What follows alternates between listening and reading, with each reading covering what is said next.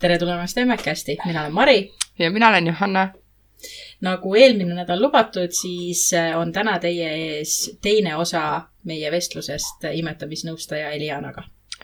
ma loodan, et äh, ka see osa teile meeldib sama palju kui eelmine. mõnusat kuulamist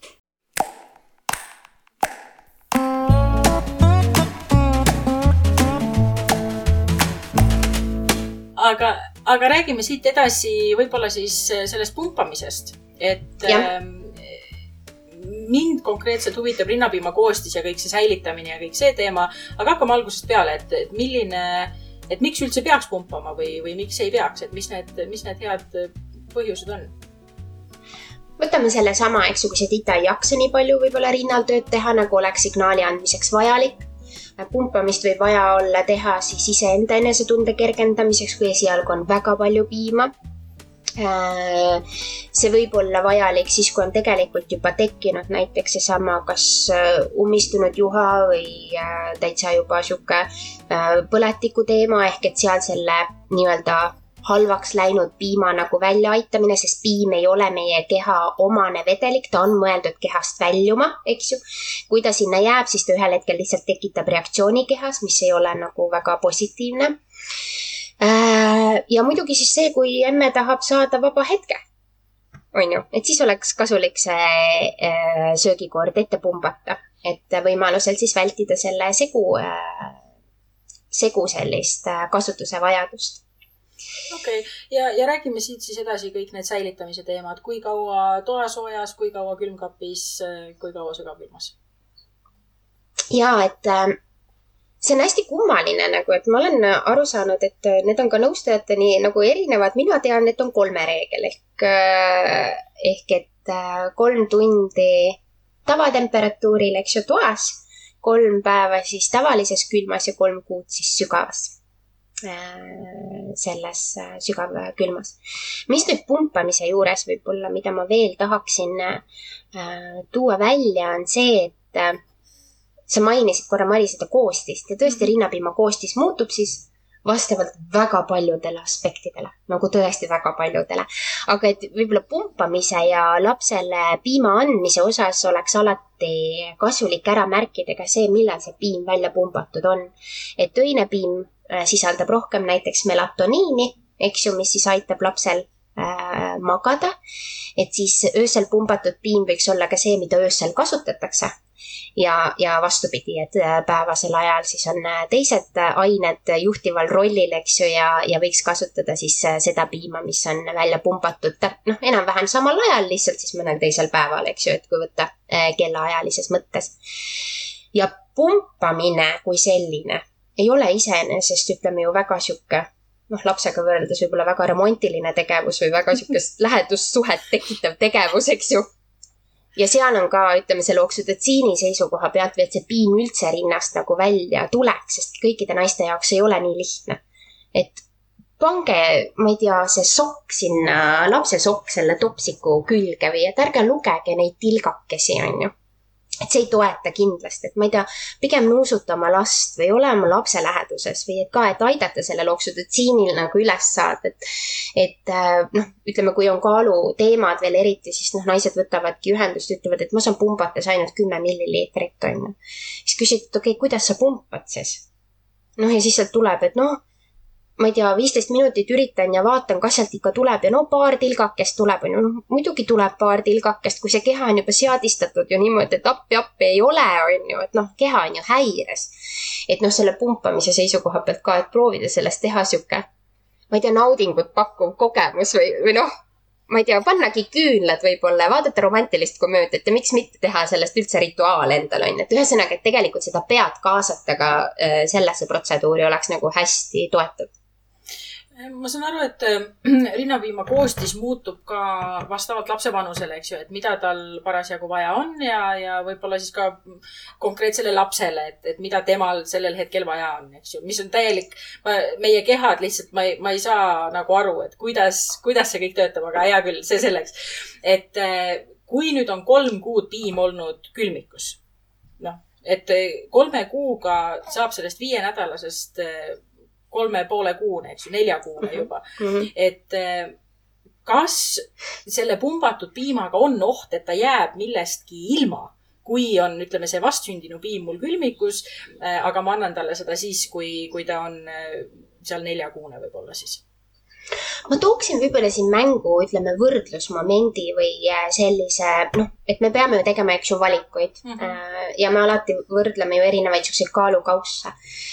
et äh, rinnapiim on äh, kunstpiimast igal juhul üle ka siis, kui ta on, ütleme, kolm kuud olnud külmikus ja see lapse areng on juba täitsa teises kohas, eks ju, et me räägime seal seedensüümidest, me räägime igasugustest äh, nendest mikroelementidest, mis ta sellega, eks ju, kätte saab.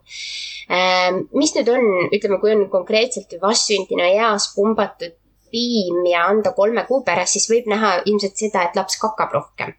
Äh, ja see on seotud nüüd sellega, eks ju, et ternes piima tasakaal äh, küpses piimas muutub järk-järgult, et ta ei kao päris niimoodi ära. ternespiim on lahtistava toimega, eks ju, selleks, et see seedesüsteem ja kõik tööle saada. et äh, seal võib tekkida see koht, et äh, millestki sellisest äh, ilma ma, ma tahaks arvata, et ta ei jää. et kuigi jah, ma selles mõttes olen sinuga nagu nõus, eks ju et vastavalt lapse arengule, vastavalt ka sellele, mis infot saab naise keha lapse sülle tagasisidest, äh, vastavalt sellele ka muutub, ehk et noh, näiteks seesama, et kui laps on haige, siis piima tekivad vahetult söötmise ajal, eks ju, antikehad. ehk et see protsess toimub nagu kõik koha peal väga kiiresti, eks ju. et noh, et siis ütleme sellise vaatenurga pealt ilmselt see antikehade tase ei ole seal päris selline võib-olla nagu laps vajab, aga ta on endiselt kõrgem, kui on kunstpiimas, eks ju. nii et et jälle see tasakaalu koht, aga igal juhul on see välja pumbatud piim üle kunstpiimast. kui ema nüüd annab pumbatud piima, kuidas jälgida, et laps sööks piisavalt? noh, loomulikult üks, üks võimalus on see, et laps laseb pudelist lahti ja pöörab pea ära ja kõik on tehtud. aga et kas on mingid kogusereeglid ka? Et äh, mainisid enne, et nendel segudel on paki peal kirjas, aga et äh, kas rinnapiimal võiks ka mingit reeglit äh, jälgida hmm.? ma jäin mõtlema, et kuidas ma sellele nagu vastan. et jah, me selles mõttes mingi orientiiri arvutame ja see arvutamine käib siis lapse kehakaal korda null koma viisteist ja jagada siis söögikordade arvuga mis siis ööpäevas on. noh, kõige vähem on tavaliselt kaheksa, eks ju, ja siis äh, vastavalt sellele üle, mis annab meile siis umbkaudse, eks ju, kaalu. ütleme, et kui ma võtan sellise, meil on äh, neli kolmsada on laps, korda null koma viisteist, võrdub, tuleb jagada kaheksaga, siis oleks ühe söögikorra arv, ütleme äh, kaheksakümmend milliliitrit ähm, ja jälle ma tooksin siia juurde võib-olla meie turbosööjad, kes söövadki väga kiiresti kõhu täis ka rinnast, eks ju, kolme kuni viie minutiga äh,. siis äh, noh, selliste laste puhul on see ülesöömise võimalus päris suur ja kui lapsele, ütleme, peaks esinema ka tagasiheide, siis ilmselt oleks tark tehagi niimoodi, et sa minuti võib-olla toidad, võtad ta korra krooksule, et me anname ta kehale aega üldse nagu ajul selle signaalini jõuda, on ju, et noh, et tegelikult hakkab kõht täis saama. ja siis võib-olla pakkuda veel natukene, teha siuksed intervallid, eks ju. et, et seal seda tagasiheite võimalust vähendada ja seda, et laps ennast üle sööb, on ju. aga et, et muidu tegelikult jah, rinnapiima puhul me ei vaata, et kui ta ikkagi ka ütleme selle intervalli puhul äh, tahab, siis sööb oma kõhukese täis ja nii on aga kui ma olen äh, esimene, esimest korda ema, äh, esimest korda imetan, kuidas ma saan aru, et mu laps on turbosööja um, turbosööja, turbosööja ongi see, kes sööb ülikiiresti ja kaaluga probleeme ei ole. tema ongi turbosööja. ja, et, äh, et noh, ma selles mõttes ma tahaks välja tuua ka selle aspekti, eks ju, me ei saa lapse ühtegi sellist käitumist Äh, tema nii-öelda näljaga siduda, eriti vastsündinu eas, eks ju, sest seal võib olla väga palju teisi aspekte, ehk et ainukene adekvaatne näitaja tegelikult ongi lapse kaal. et ähm, jah, ütleme, kui muid kaebusi ei ole, välja arvatud see, et laps sööb väga lühikest aega, siis suure tõenäosusega on tegu turbosööjaga ah,. noh, selge kas, kas seal teisel pool on ka mingi piir ees, et kui kaua noh, ütleme, et tigusööjad siis. Et et, et nad just nagu söövad, võib-olla on seal juba pool tundi rinna otsas olnud, eks ju, et, et mis see aeg või, või mis seal nagu teise spektri otsas on? oh, see nüüd on veel raskem küsimus, sellepärast et ütleme, kui me võtame lapse, kes on äh,, kelle kaal ei ole taastunud, eks ju, tal on kaaluga muresid, ta veedab rinnal pikka aega siis äh, noh, siis võib tekkida siigi see koht, kus nõustaja ütleb, et hästi, viisteist minutit ühel rinnal, viisteist minutit teisel rinnal ja puudujäägi annad siis äh, alternatiivsete meetoditega. Äh, et noh, siis me hakkame vaatama natukene seda tasakaalu, millest ma olen rääkinud, et me ei saa justkui lasta lõputult sellel tital siis muudkui seal rinnal olla, sellepärast et, et ta lihtsalt ei söö oma kogust ära, samas ta kogu aeg nagu näkitseb ja ei saa puhata ja et noh, meil tekib lihtsalt siit nagu siuksed teised raskendavad aspektid kõrvale et, et noh, siis ongi ilmselt vajalik ka see, et me jõuame nii-öelda sinna ohutu piirini, eks ju, kus juba lapse enda energiatase on suurem, ta juba hakkab klassifitseerima, et on söögiajad ja magamisajad. Ja, ja samas on seal kõrval see, et okei okay,, et kui ta teeb rinnale algul efektiivselt tööd eks ju, nii nagu me rääkisime, tema kaal on korras, aga ta tahab rinnal ka mõnuleda, mis tegelikult sellises vastsündinu eas on ju täiesti adekvaatne või rinnal magada, mis on ka täiesti adekvaatne, siis seda iseenesest ei tohiks takistada. et noh, jälle, et kui on nüüd kaebused, et siis äh, võib olla vajalik selle imetamise aja niisugune kokkupakkimine okei okay., sa oled paar korda toidu tagasiheidet maininud, et millal, et see on üpris levinud mure, ma saan aru äh, Äh, millal saad sina nõustajana sellega aidata ja millal on see koht, kui äh, tuleks juba arsti poole? vaata, siin me peaksime nüüd võtma nagu äh, selle juppideks, et üks asi on toidu tagasiheide asi äh,, toidu tagasiheide ja teine on refluks, et need on kaks erinevat äh, seisundit äh,. tagasiheide on tõesti väga levinud, see on seotud lapse maalukuti arenguga äh, see tavaliselt väljendubki sellisel kujul, eks ju, et lapsel tuleb toit tagasi, aga sellel ei ole kõrval mitte mingisuguseid muid nagu äh, nähtusi laps ei tunne ennast kuidagi ebamugavalt või ta ei väljenda seda, eks ju.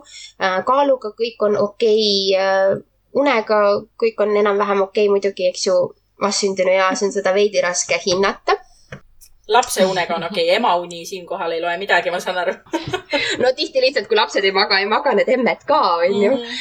et ja teine on nüüd refluks, mis tegelikult olenevalt oma raskusastmest võib vajada äh, täitsa ka ravimeid, eks ju. et noh, refluksi hulka kuulub äh, rahutu käitumine rinnal, ebapiisav kaalutõus, äh, hapukas lõhn lapse juures, suurenenud ilaeritus, eks ju ähm, ema võib märgata, et ennem seda võib-olla, kui laps nutma hakkab, üritab ta niimoodi neelatada, ehk ta üritab seda koos maohappega siis tulnud piima tagasi suruda, eks ju. Äh, tihti need titad ei taha olla äh, pikali asendis, sellepärast et siis see mao äh, sisu liikumine on suurem kui püstises asendis. Äh, äh, rinnal, jah, rinnal käitumine on rahutu ehk et nad võib-olla haakuvad, aga lasevad lahti ja nutavad, eks ju, et noh, et enne kolmandat-neljandat elukuud ei ole see arenguliselt iseloomulik käitumine. et siis me tihti kohtume võib-olla sellise äh, asjaga, et noh, me räägime nüüd konkreetselt ikkagi vastsündinu eas, kus tegelikult, eks ju, imemine on refleks. Ehk et see on talle eluliselt oluline, see tema eesmärk on süüa, kasvada ja areneda, on ju või noh, kasvada ja areneda ja söömine on osa sellest, et ta selleks võimeline oleks või seda teha saaks. ehk et noh, et kui on mingeid siukseid nagu raskendavaid asjaolusid, siis tegelikult tuleks hakata vaatama. ja noh, tõesti refluksi puhul oleks vajalik siis äh, lastearsti hinnang, võib-olla ka ultraheli, kui on varjatud refluks ehk et piima justkui suust välja ei tule, aga tuleb söögitorru tekitades ikkagi siis ärritust äh, söögitorus. aga seda et kumb minu lapsel parasjagu on, noh, kõik kuulajad saavad nüüd hinnata selle järgi, mis sa just rääkisid, aga põhimõtteliselt ka nõustamisel äh, saad sa ju seda näha ja, ja siis soovitada arsti poole pöörduda, kui selleks peaks olema vajadus. Mm.. on vajadus. Ja on olnud tõesti juhtumeid, kus ma ütlen, et äh, tasuks ära käia ja vaadata, onju et äh, kas ja mis ja noh, ma pean ütlema, et kahjuks on olnud ka juhtumeid, kus tõesti ongi nii ja, ja olenevalt sellest raskusastmest äh, on ka lugusid, kus imetamine ei ole võimalik. Äh, küsin sellise noh, võib-olla vastuolulise küsimuse, aga ma usun, et kuulajatel võib sellest ka kasu olla. et äh, kui ema tahab äh, võtta selle klaasi veini või mõne siidri mehega teidil näiteks või kui noh, ideaalis emad ju ei suitseta, aga kui nad suitsetavad.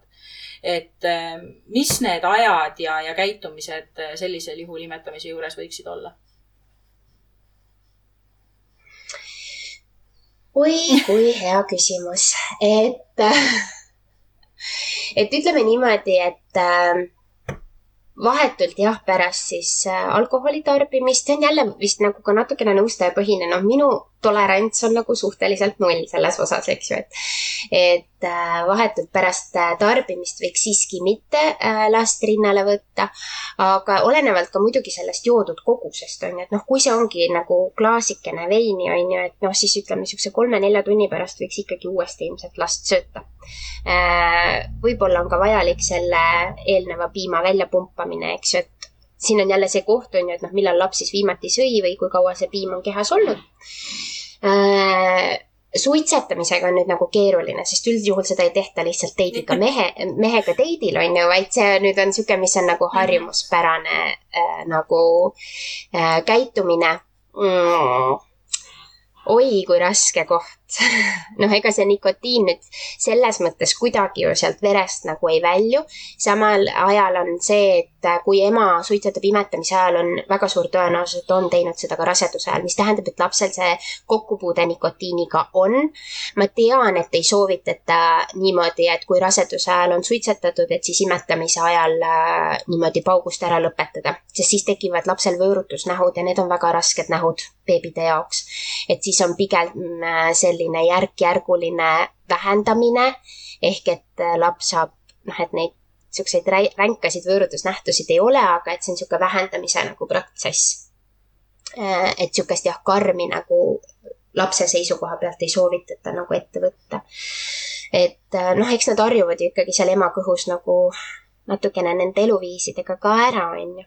et, et siis imetamise ajal jah, kui on soov Äh, loobuda suitsetamisest, et siis teha astmeliselt, mitte kohe.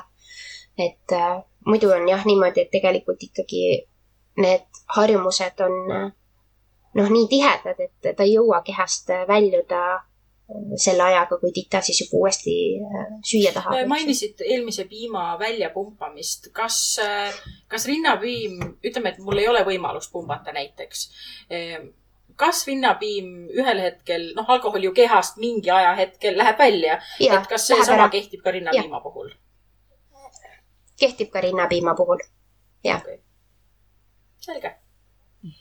ja käsitsi võib söörutada ka, ei ja, pea pump olema selle jaoks. aga see on veel ebamugavam kui käsipump näiteks, et oleneb naisest, see on hästi ka naise anatoomia põhine et mõnel õnnestub käsitsi paremini söörutada kui pumbaga. palun äh, selgitage, mis see tähendab et noh, põhimõtteliselt nagu sa ah. lüpsad käsitsi mm, -hmm. eks ju, et sa kasutad niisugust äh, sõrmede haaret ja teatud liikumist, eks ju, selleks, et see piim kehast siis väljub. lüpsmine on lihtsalt noh, see võib-olla ei ole väga hea sõna, mida kasutada, on ju, noh, imetamise mm -hmm. puhul. et siis ma kasutasin okay. söörutamist. väga hea siis ilusam sõna lihtsalt. jah, just. milleks peaks valmis olema või, või millega peaksid arvestama äh, mitmikute emad uh.? et kas see on äh, topelttööga, muidugi aga et kas, kas seal on midagi, midagi erilist? noh, muidugi on see, et ma tean, et kuna noh, kaksikud ja jumal hoidku kolmikud eh, kipuvad sündima enne, kui tähtaeg täis saab, et siis nad veedavad kindlasti enne aega eh, vastsündinute intensiivis ja, ja võib-olla arsti juures ja ja võib-olla see rinnaga toitmine ei, ei olegi võimalik, et tulebki pumbata ja nii edasi, aga et kas seal on eh, midagi veel, mis noh, ma, mina näiteks ei kujuta ette, kuidas käib kahe lapse korraga söötmine kui nad peaksid mõlemad rinda saama uh. -huh. et eh, võib-olla siit jõuame yeah., räägime selle mitmikute jutu ära, aga et siit edasi võib-olla siis ka imetamisvõtetest pärast, et eh, kuidas eh, mugav ja, ja ergonoomiliselt hea on mm. -hmm et tegelikult seal ongi niimoodi, et on olemas ka mitmike imetamispadjad, mida ma väga tungivalt soovitaksin, eriti kui ema, ütleme, noh, isa ei ole kodukontoris või ema veedab need ühel hetkel need päevad lastega üksi ja, ja, ja tegelikult seal ongi niimoodi, et sa kõigepealt paned rinnale ühe lapse, nii nagu sa paneksid indiviidi ja siis paned teise lapse rinnale, nii nagu sa paneksid indiviidi, eks ju. Äh, ja samal ajal ma pean ütlema, et kõikide naiste jaoks ei olegi tehtav, et ähm, on naisi, kes teevadki niimoodi, et kõigepealt imetavad ära ühe ja siis imetavad ära teise. et siin jälle mängib palju rolli ka tegelikult see, et kui kaua need lapsed ka rinnal aega veedavad, et ütleme, kui meil on tegu turbosööjatega, siis see, et sa teed kordamööda, ei ole iseenesest ju tegelikult mingi probleem, on ju. viie minutiga üks laps, viie minutiga teine laps. kui nüüd on see, et nad veedavad äh, aega seal pool tundi, no siis on selles mõttes ilmselt keeruline, et see teine kaksik, kes ootama peab, suure tõenäosusega ei ole väga rahul selle olukorraga, et ta ootama peab, eks ju et siin ma väga soovitaksin kutsuda kohale imetamisnõustaja ja võiks silmas pidada, et eriti tore oleks, kui sellel imetamisnõustajal endal oleks olnud kaksikud. või siis tal oleks kogemus kaksikutega et äh, kuidas nüüd täpselt sättida, mis need nõksud on, et ma, ma ise ilmselt jään siinjuures natukene lahjaks, ma tahan, tahaks tunnistada, et ei ole mul äh, mind ennast õnnistatud nendega ja ei ole ka töökogemust selles mõttes sellisel põhjal, et nii sügavuti selle teemaga minna. aga et noh, imetamispadi number üks äh,. Kui on soov saada lapsed ühte graafikusse, siis tegelikult läbi söömise saab seda kõige kergemini teha, et nad ka magaksid tegelikult ühel ajal, on ju, mis nad kaksikute vanematel on nagu väga oluline. aga et kuidas seda nüüd täpselt teha, et kas kordamööda või koos Äh, et siis oleks imetamisnõustajaga kontakt ja saaks vaadata, et mis juba selle emme ja titade jaoks toimib. aga muidu iseenesest selles mõttes, et keha on võimeline äh, kaksikud ära toitma kindlasti, eks ju, et ta toodab alguses nagu üle.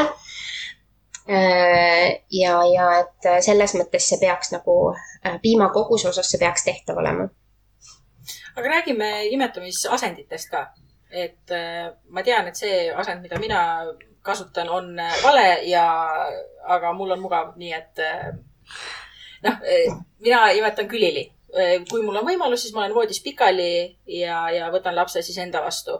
Aga ma teen seda küünarnuki peale toetudes et et äh, kõik äh, arstid, kes äh, ja ämmaemandad, kes, kellega ma sellest olen rääkinud ja kes seda on näinud, ütlevad mulle, et lõpeta ära, pane padi pea alla ja viska palun pikali.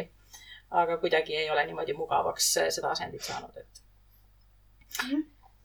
jälle, kui ei ole katki, ma ei hakkaks midagi parandama. aga et mis, mis need võtted või, või asendid võiksid olla, et kui, kui ongi lapsel mingisugune mure, et mida veel katsetada et kui näiteks ollakse harjunud pikali mm, -hmm. mida siis veel proovida? jah, et äh, ma pean ütlema, et see pikali asend on selles mõttes üks kõige keerulisemaid asendeid, sellepärast et see käsi, mille peale sa toetud, on ju põhimõtteliselt mhm. kasutu. sa ei saa sellega nagu mitte midagi teha.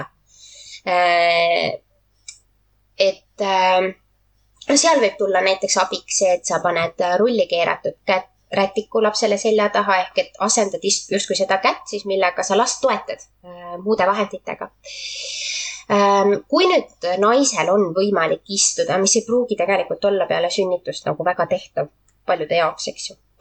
et siis äh, meil ongi nii-öelda see hälli asend või see kõige klassikalisem, eks ju, kus lapse pea on siis siin küünarnuki juures Äh, seal jälle ma esialgu soovitaksin ilmselt äh, toetada ennast patjadega, äh, et käed ära ei väsiks, et sul oleks rohkem liikumist, eks ju, et ütleme, kui laps on nii-öelda toetatud patjadega, siis selle käe asemel sul tegelikult on ju kaks vaba kätt, millega siis askeldada, et ühega siis toetada last ja teisega võib-olla toetada oma rinda, eks ju. Et äh, siis meil on nii-öelda see jalgpalli asend, kus lapse keha läheb tegelikult, eks ju, siit selja taha ja, ja pea jääb siia sinu külje peale äh,. et see võib olla väga kasulik siis, kui näiteks laps eelistab konkreetselt ühte külge või ta teise külje peal ei ole üldse nõus haakumagi, et meil on selliseid tegelasi ka äh,. jalgpalli asend, äh, sealt on võimalik teha äh, sellist asja nagu flip and latch, et võite guugeldada, mis see tähendab, ehk see on eriti sügava võtte jaoks et võib aidata näiteks lamedamate nibude korral või kui lapsel on sügavat haaret keeruline tekitada, eks ju, et siis see jalgpalli asend on selles mõttes selle jaoks väga hea. siis meil on laid back asend, eks ju, mis tähendab seda, et naine ise on poolistuvas äh, asendis ja tita tuleb siis tema kõhu peale, kõhuli asendisse. ükskõik, kas siis nii-öelda äh, paralleelselt naise kehaga või risti, eks ju, et ta võib risti ka olla aga et ta toetub enda kõhu peale see asend võib olla selles mõttes keeruline saavutada, et, et kuidas seda lapse pead seal parasjagu toetada sellel hetkel, kui see asend sisse võtta. aga kes on selle nii-öelda käppa saanud, siis see jääb tihti üheks lemmikuks ka, et seal on naisel endal võimalus puhata, eks ju, samal ajal kui tita sööb. Äh, ja seal on rohkem liik-, liikuvusvõimalust kui siis küllile asendis, on ju. et küllili on tihti tõesti öö puhul hea kasutada jah, tõsi, me soovitame küll panna enda kere samale tasandile, mis siis tita on, ehk et see, kui sa küünarnuki peale toetud, et siis sa oled liiga kõrgel. ma pean ütlema, et see oleneb ka tegelikult äh, partii suurusest, eks ju, et, äh, et väiksema rinna puhul see toetatud asend ei ole üldse tehtav lapse jaoks, sest ta lihtsalt ei ulatu, eks ju, rinnani. et noh, siin on jälle väga palju vaata mm. nüansse, on ju et, äh, et noh, mida, mida peab kindlasti jälgima, on kõik need siuksed äh, võtmetegurid selle imetamise puhul ehk et nina ja nibu oleksid kohakuti kõikide asendite puhul, ükskõik, mis sa parasjagu siis võtad. ja miks see on oluline, eks ju, et kui sa mõtled selle peale, kuidas sina näiteks vett jood, on ju, siis sa lükkad enda pea ju taha, on ju. ehk et kui nüüd tita, nina ja nibu on kohakuti, tita lükkab pea taha, siis see nibu jõuab täpselt õigesse kohta, on ju ehk et tita peaks tegema sihuke pea taha liigutuse, mis on siis emale märguanne, ema tooks lapse endale lähemale, et laps saaks siis selle rinna sügavalt äh, suhu haarata, onju.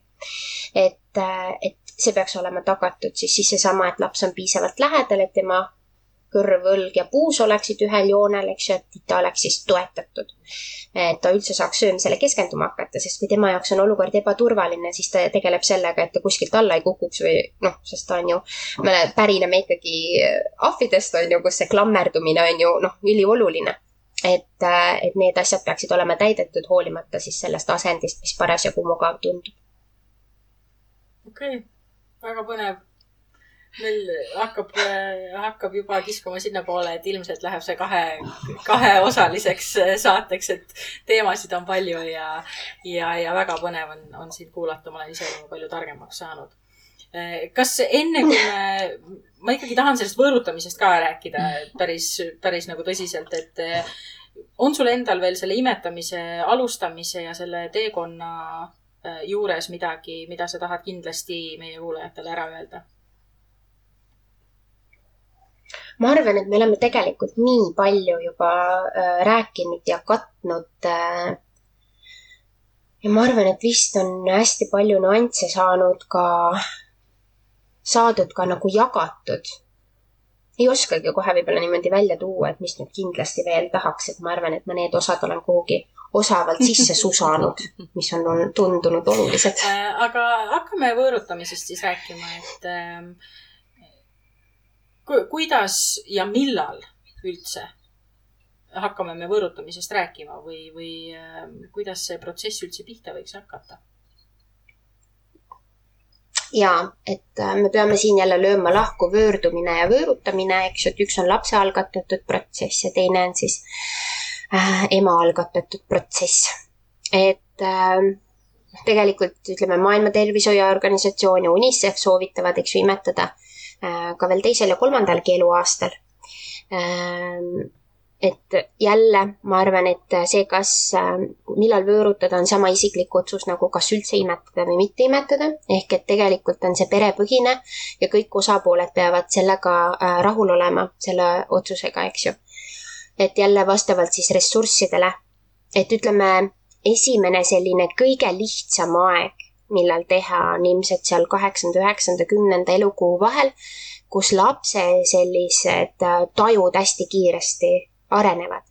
ja lapse huvi imet-, imemise vastu, imetamise vastu on väga-väga äh, väikene sest noh, kogu aeg ülejäänud maailm tundub nii põnev, ta võib-olla kaks korda imeb ja siis ta jälle vaatab, kes see nüüd tuli või mis hääl on või mis see seal valgus muutus või ühesõnaga, et tal on äh, noh, muud sisendid on nii kõvad, on ju, et, äh, et see imetamine jääb tahaplaanile. et, et kui, kui ema soov on enne aastat ära vöörutada, siis seal on seda nagu kõige lihtsam teha. selles vanuses muidugi võib olla vajalik siis veel segu kasutamine, eks ju, sellepärast et tegelikult ta saab piimast enne üheksandat elukuud kätte ikkagi põhiosa oma toitainetest. Äh, et siis on vaja see kompenseerida äh, seguga.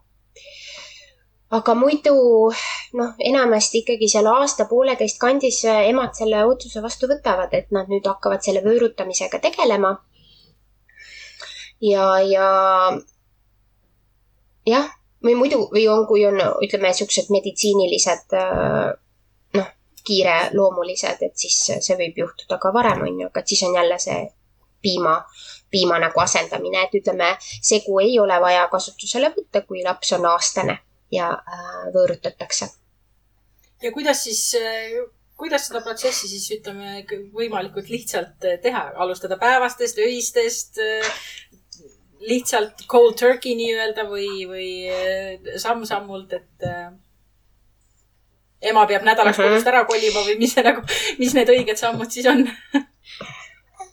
no see kodust ära kolimine on ikkagi, ütleme, sihuke hardcore ja ma jätaks selle nagu viimaseks variandiks. et kui tõesti nagu muud asjad ei toimi aga, aga et äh, noh, selles mõttes ütleme, olenevalt ka lapse nagu arengust ja sellest, kui vana ta on, äh, võib kasutada erinevaid äh, näidustamist nagu näitlikustavaid variante, eks ju, et võib kallata piimapaki näiteks tühjaks, öelda, et näe, vaata, et siit sai piim otsa ja emmel sai ka nüüd piim otsa ja rohkem siis piima ei tule, eks ju, et noh, nemad, nad ei suuda seda kontseptsiooni veel teistmoodi luua, eks ju, kui see, mida nad näevad. Äh, emad on teinud ka, ütleme, selliseid nii-öelda kleepsutabeleid on ju, et vot, et märgivad ära ühe päeva, see on eriline päev, sealt alates sa siis äh, hakkad jooma äh, poepiima, eks ju, ja siis tõmbavad lapsega koos ristikesi, et millal siis laps on nii-öelda suur laps ähm,.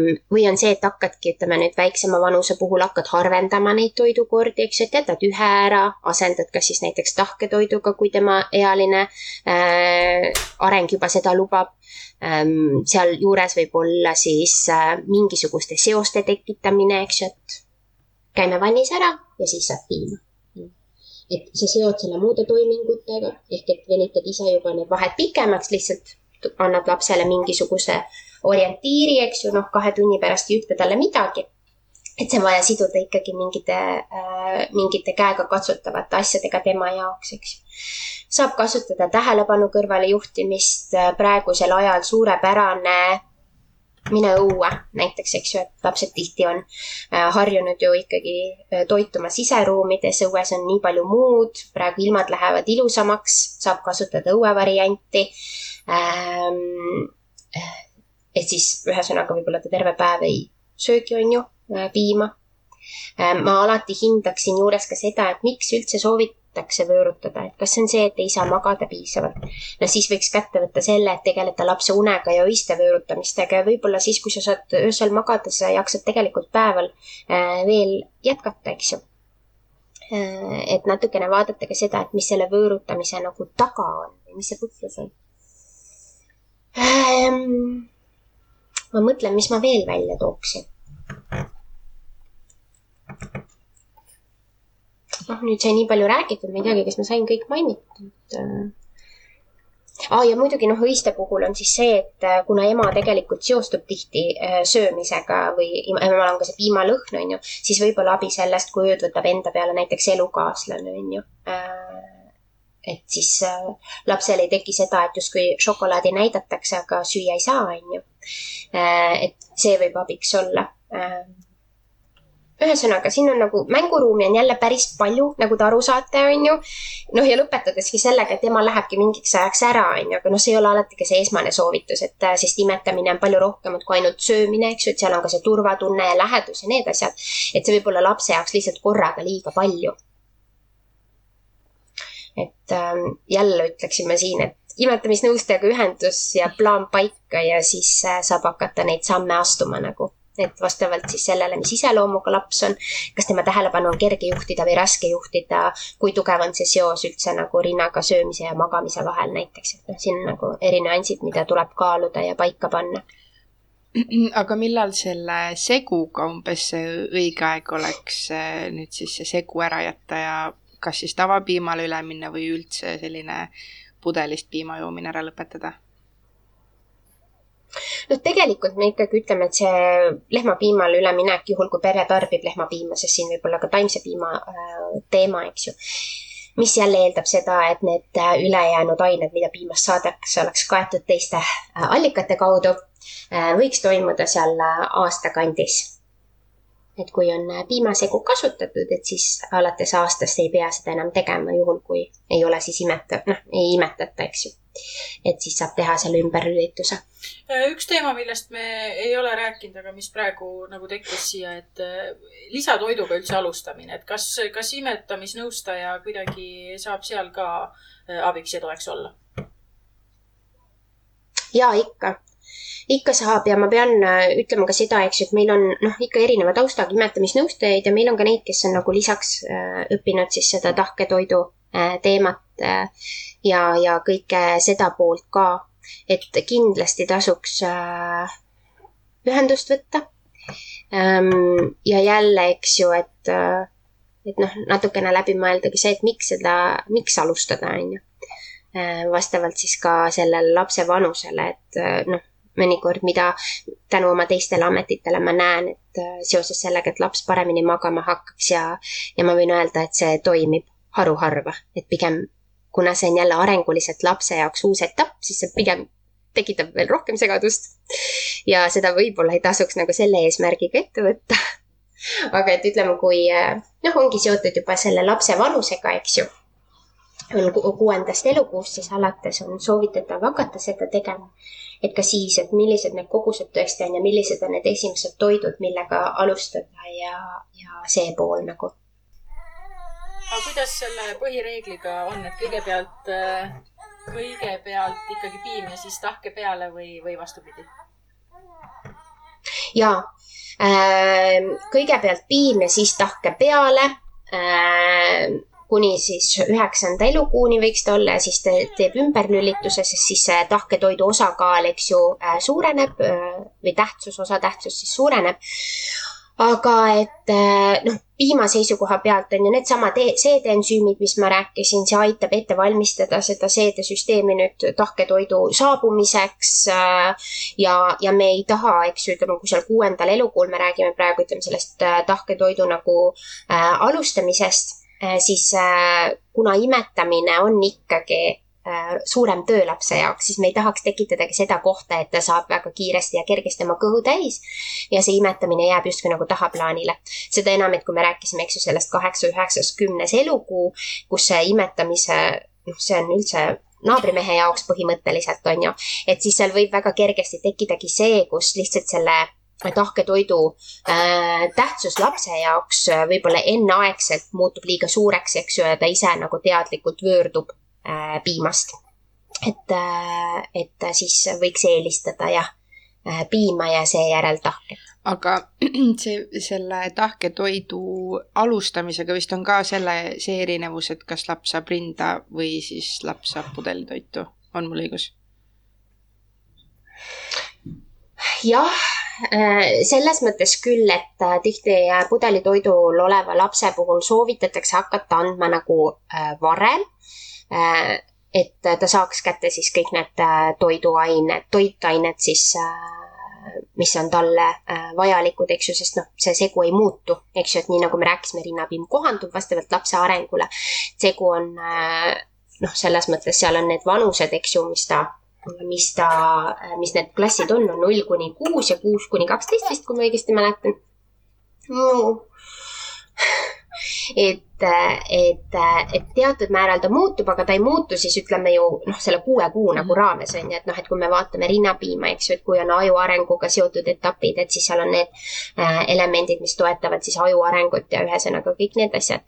et, äh, et siis võib olla jah, vajalik nagu varasem alustamine, aga et jälle see tasakaalu koht, et see ei ole võib-olla päris nagu kolm kuud varem, eks ju, et, et mitte ka etteruttavalt et piim on, piim on lapse niisugune põhitoit ikkagi esimesed kuus elukuud. ma vist lihtsalt omast käest mäletan, et mina vist hakkasin andma umbes, äkki ta oli mingisugune nelja kuu kanti. ja siis uh, mhm. -huh. ja siis äkki teised, kes siis andsid äh, rinnapiima umbes seal kuue kuu kanti, et kas see on niisugune adekvaatne vanus, kus hakata lisatoitu andma vaata, siin on ka see, et mis põhjusel sa hakkasid äh, andma neljandal elukuul, kas sa seda mäletad? ma äkki lugesin kuskilt, et võiks või peaks. eks ju. Äh, et jah, need infoallikad on nagu mm -hmm. erinevad, onju. et ütleme, kui ei ole nagu mingisuguseid selliseid konkreetselt jälle kaebusi, noh, eks mõnikord juhtubki see, et, et noh, esimese lapsega see kõik on nagu põnev ja uus ka ja tahaks juba katsetada ja proovida. võib-olla oli see ka, ma täpselt, ma ei tea, ma räägin, ma täpselt ei mäleta ja, ja noh, ma räägin, et infoallikad ka erinevad ja, ja on perearste, kes soovitavad ka juba varem, eks ju äh,. soovitavadki juba varem äh, teatud nagu põhjustel. et noh, lihtsalt siis on alati ka see, et, äh, et laskuda diskussiooni võib-olla oma perearstiga, et okei okay,, et mis need kasutegurid siinjuures on, on ju et ma alustan näiteks praegu, mis on võimalikud äh, kahjutegurid ja jälle vaadata, et äh, kõige olulisem tegelikult ju lapsevanemaks juure, lapsevanemaks olemise juures on see, et sa saaksid teha informeeritud mm -hmm. valiku. vastutus jääb nagunii sulle mm, -hmm. ükskõik, kas sa siis alustad või sa ei alusta, on ju. Äh, kas sa vaktsineerid või sa ei vaktsineeri, vastutus on alati sinul. aga et sa, et sul oleks olemas see kõiki väiteid pooldav ja mittepooldav mm -hmm. info, et sa saaksid teha siis selle, mis on õige sinu jaoks. ja noh, ma räägin, et meil on olukordi tõesti, kus äh, noh, minu pädevus ei küündi kindlasti perearstide või lastearstide maile, kes tegelevadki noh, patoloogiliste teemadega ja sellega, kui lapse tervis ei võimalda näiteks imetamise ainult imetamise jätkamist esimesed kuus kuud, vaid ongi vaja tõmmata nelja kuu peale, on ju. et noh, siin on nagu sihuke nagu natukene nagu tasakaalukoht ja ma ei tahaks võtta endale ka seda vastutust, et siinjuures nüüd öelda, et jaa, kui on segu, et siis kindlasti alustada neljandal elukuul.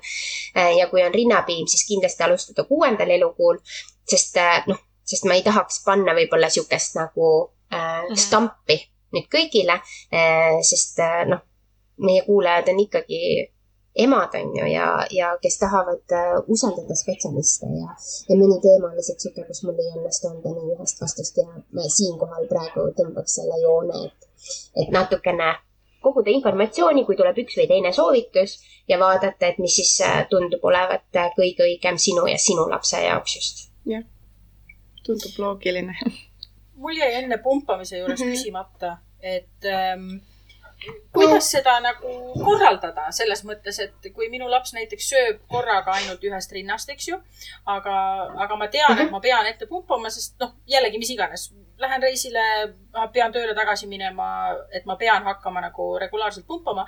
et siis kas üks on söögitiss ja teine on pumpamise tiss või peaks neid kuidagi vahetama või, või kuidas äh, nagu seda korraldada?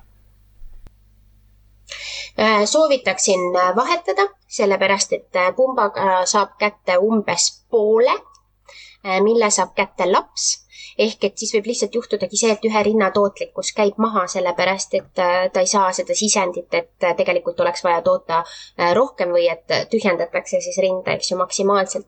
et soovitaks vahetada. kui on nüüd ütleme, soov üleüldiselt hakatagi pumpama, siis tegelikult võiks pumpamise ajastada kohe peale seda, kui tita on ära söönud, sest siis sa annad enda kehale ka signaali, eks ju, et on vaja juurde toota, sest nõudlikkus on suurenenud, et kõigepealt on titaports ja siis on veel pumpamise ports. ehk et ühel hetkel lihtsalt muutub see pumpamine äh, selles mõttes efektiivsemalt, et kui piima on rohkem, sa saad sellega kergemini äh, kätte ja noh, see aitab välja, välja, välistada ka selle, et, äh, et kui sa nüüd tunni aja pärast pumpad ja siis tita ärkab võib-olla poole tunni pärast tahab süüa ja siis tegelikult ei ole võib-olla kohe sihukest äh, kogust anda, eks ju, et noh, et see piima, piim on rinnas olemas ju esialgu portsuna, mis tekib sinna söötmise vahepeal ja siis imetamissessiooni käigus toodetakse vahetult juurde, aga see vahetu juurde tootmine on juba natukene aeglasem kui see ports, mis esialgu olemas on, on ju. et noh, et siin on jälle sellised äh, nüansid, mis mängu tulevad. ehk et võiks pumbata siis kohe pärast seda mm, söötmist või kui on, ütleme, pikem söötmise vahe tekkinud näiteks öösel ja enda enesetunnet on vaja kergendada, siis äh, muidugi kohe vahetult, aga et siis võiks pumbata ka nii palju, et see enesetunne kergeneb, mitte siis rindu tühjaks, eks ju, et et siis ei teki kehal seda efekti, et on vaja juurde toota, sest ühel hetkel võib siis olla see ports juba nii suur, on ju, et kogu aeg on eest ära pumpatud, et enesetunne kergemaks läheks ja siis äh, samas toodab keha kogu aeg juurde, on ju.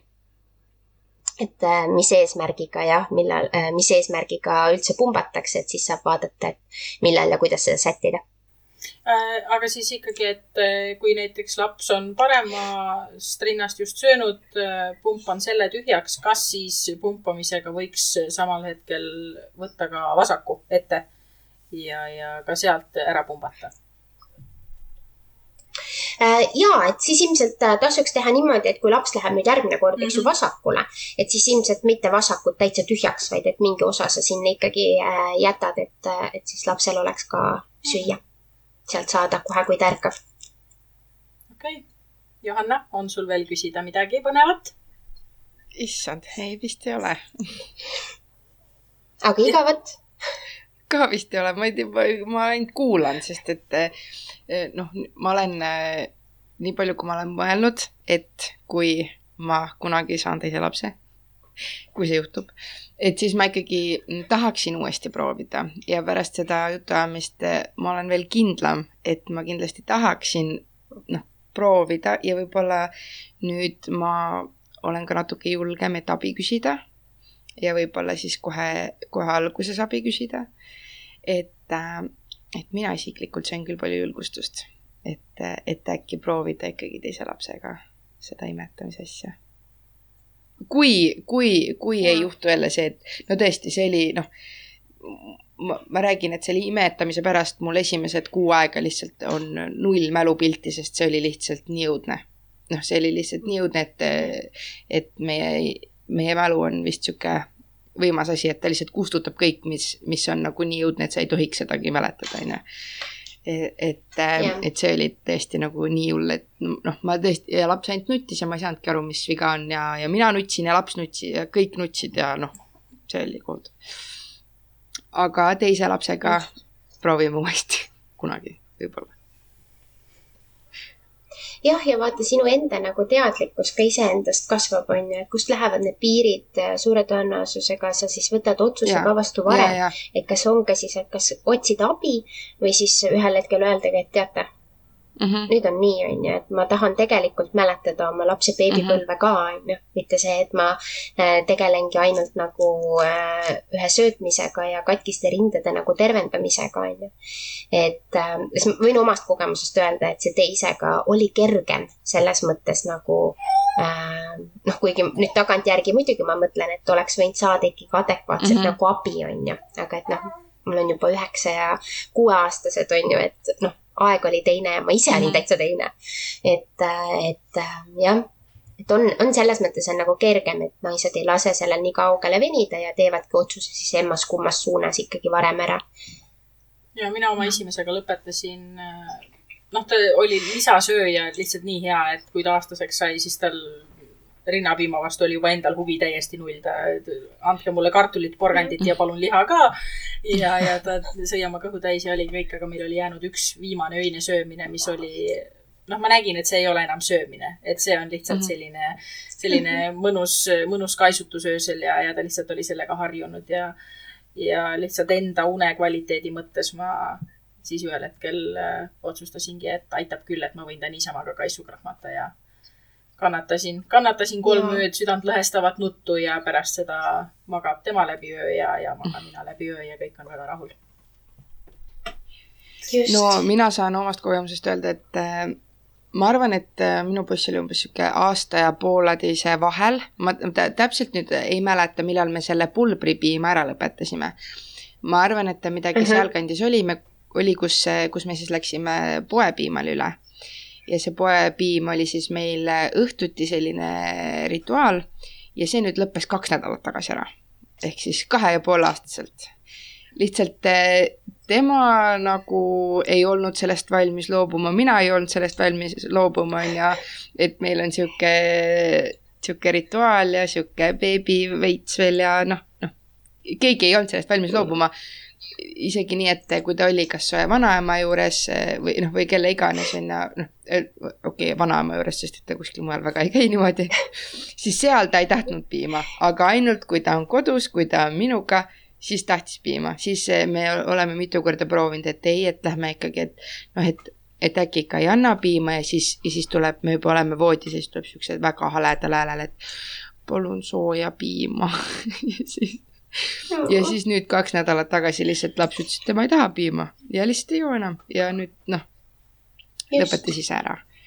et äh, jah, jah, et vaata, sa tood siinjuures välja ühe väga olulise nagu äh, nüansi, eks ju. et äh, kui see nagu, kui valmidust mm -hmm. ei ole olemas, siis sa võid, sa võid proovida, aga see üldjuhul on nagu Jah. hukule määratud, eks ju, et, et noh, kui me toome kasvõi selle võõrutamise või need teemad sisse, et, et äh, see peab jälle olema äh, otsuse mis on seotud nende isikutega, kes selle vastu võtavad, eks ju, et noh, et see, et võib-olla lastearst ütleb, et oleks õige aeg võõrutada või sõbranna ütleb, et oleks õige aeg võõrutada, on ju, siis see ei ole õige aeg, see võib olla tema jaoks õige aeg. aga et noh, et see otsus tuleb nagu äh, tuleb nagu nende äh, seotud äh, inimestega, inimeste seest ja siis on näha, et see tegelikult mm. -hmm. läheb ka, on ju et nii kui on see kahtluse koht, ükskõik tegelikult, ma arvan, missuguse lapsevanemaks olemise nüansi juures, et nii kui sa natuke kahtled, need väiksed tegelased tajuvad selle kohe ära ja see ei õnnestu ka siis. ja Pole üldse mõtet hakata proovima, et pigem võtta endale see aeg, et veel küpseda natukene, on ju. ja siis teha see nagu otsus päriselt ära. Jah Jah., et see enda, enda sees kindel otsus ju annabki selle nii-öelda selle kindluse, et nuta kolm ööd, palun, Mhm. nuta, nuta või Mhm. nädal, aga kõik sinu imetamisega on nüüd kõik, et, et kui mina olen kindel, siis noh, see, see lihtsalt ei saa, see ei saa teisiti minna. just, just. vot, aga minul vist äh, nüüd on küll küsimused ja jutud otsas. ja ma sain nii targaks, ma lähen vaatan oma, oma sügavkülmutatud piimavarud üle ja hakkan sealt äh, otsast äh, kulutama neid, et äh, ja, ja vot vaatan oma imetamisvõtted ja, või tähendab mitte imetamisvõtted, vaid imetamise asendi üle mm. -hmm. ja, ja mõtlen need asjad uuesti läbi, et äh, mul on ülihea meel, et sa, et sa jälle meiega siin olid, Iljana, et hõika veel siia lõppu, kust sind leiab ja, ja kuidas, kuidas sinuga ühendust saab? Äh, tegelikult päris kergesti, vist nii, kui Google'isse aga nimi toksida, nii ma peaks ette hüppama igalühel. aga mu kontaktid on tegelikult igal pool äh, avalikud.